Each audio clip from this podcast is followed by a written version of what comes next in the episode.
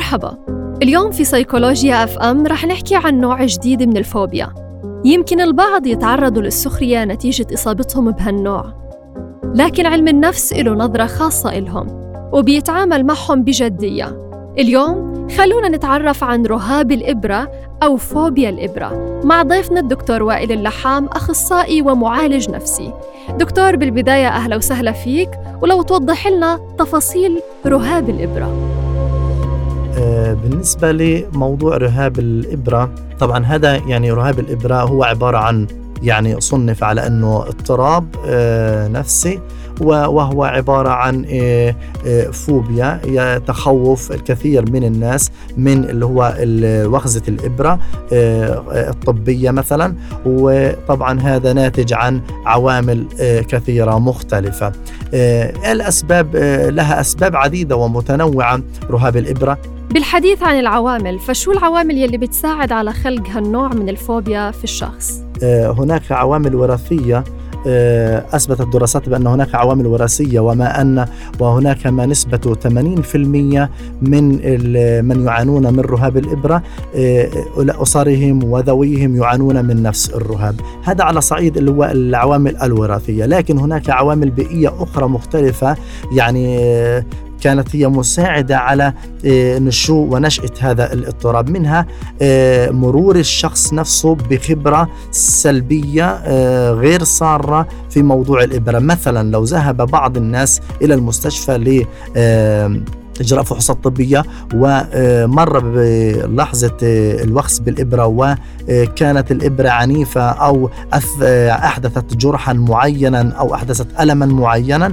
في هذه الحالة تصبح هذه الإبرة يعني تأخذ الطابع السلبي ومن ثم يتشكل عند هذا الإنسان اللي هو رهاب الإبرة. هذا إذا ما مر الشخص نفسه بتجربة. ولكن أحيانا أحيانا يمر آخرين من ذوي هذا الشخص بتجربة سالبة مع الإبرة. في هذه الحالة يتكون عند هذا الإنسان رهاب الإبرة. آه، هذا هو رهاب الإبرة. تمام. دكتور هالنوع من الرهاب هل ممكن يأثر على سير حياة الشخص بشكل سلبي آه، أو لا؟ ولو بيأثر يا ريت توضح لنا كيف ممكن يأثر على حياته. آه، من الآثار هذه أن يكون يصبح الفرد عرضة للكثير من المشكلات الصحية نتيجة آه، رفضه للتعامل مع الإبرة أو أخذ تحاليل تحاليل معينة أو أخذ مصل معين من خلال الإبرة. فنجد أن هذا الإنسان يتجنب الذهاب إلى المستشفى يتجنب التعامل مع أي شيء يذكره بالإبرة وبالتالي يرفض أي علاج ويرفض أي تحاليل طبية وبالتالي تتعرض حياته إلى آه، أو حالته الصحية إلى المخاطر نتيجة رفضه التعامل مع الإبرة، هذا على صعيد اللي هي الآثار، لكن آه، بالنسبة لموضوع العلاج آه، إحنا بنقول دائما إنه العلاج له شق شقان، الشق الأول إحنا بنقول إنه لا الناس اللي اللي عندها رهاب إبرة دائما علينا أن نثقف هؤلاء الناس بأهمية التعامل مع الإبرة لانها هي سبب من أسباب الشفاء، سبب من أسباب الوقاية الصحية والمحافظة على الصحة. بالتالي لابد أنه أن نثقف هؤلاء الناس حول أهمية هذه الإبرة وبالتالي هذا يزيل آه، آه، نسبيا آه، الحساسية من الإبرة ويقلل من قلق من القلق منها أو اضطراب من هذا الاضطراب.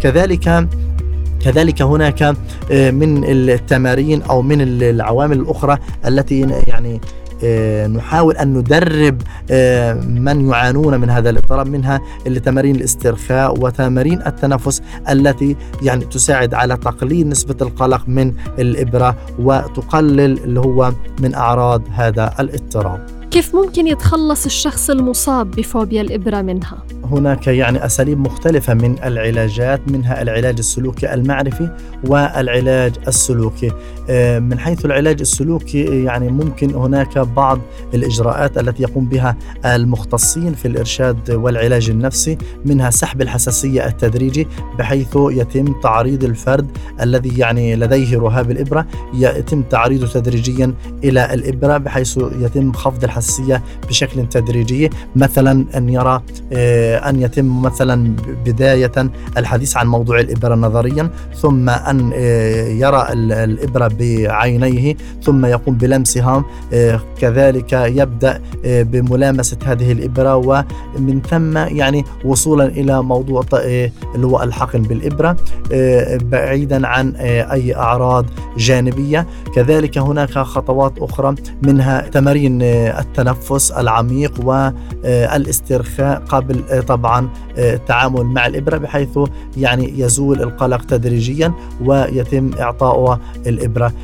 كل هذا يعني يكون مجدي وفعال في حال علاج رهاب الإبرة. كذلك لا ننسى التثقيف النفسي حول أهمية الإبرة ودواعيها والآثار والمخاطر المترتبة على التجنب أخذ هذه الإبرة في حال طبعا تطلب الأمر كل هذا يؤدي إلى يعني المساعدة في موضوع علاج رهاب الإبرة نعم شكرا جزيلا لك دكتور وائل اللحام أخصائي ومعالج نفسي. يعني بالنسبة للبعض ممكن يستهزئوا عن الموضوع لكن ما فينا ننكر وجود هاي الفوبيا بين البعض من الأشخاص.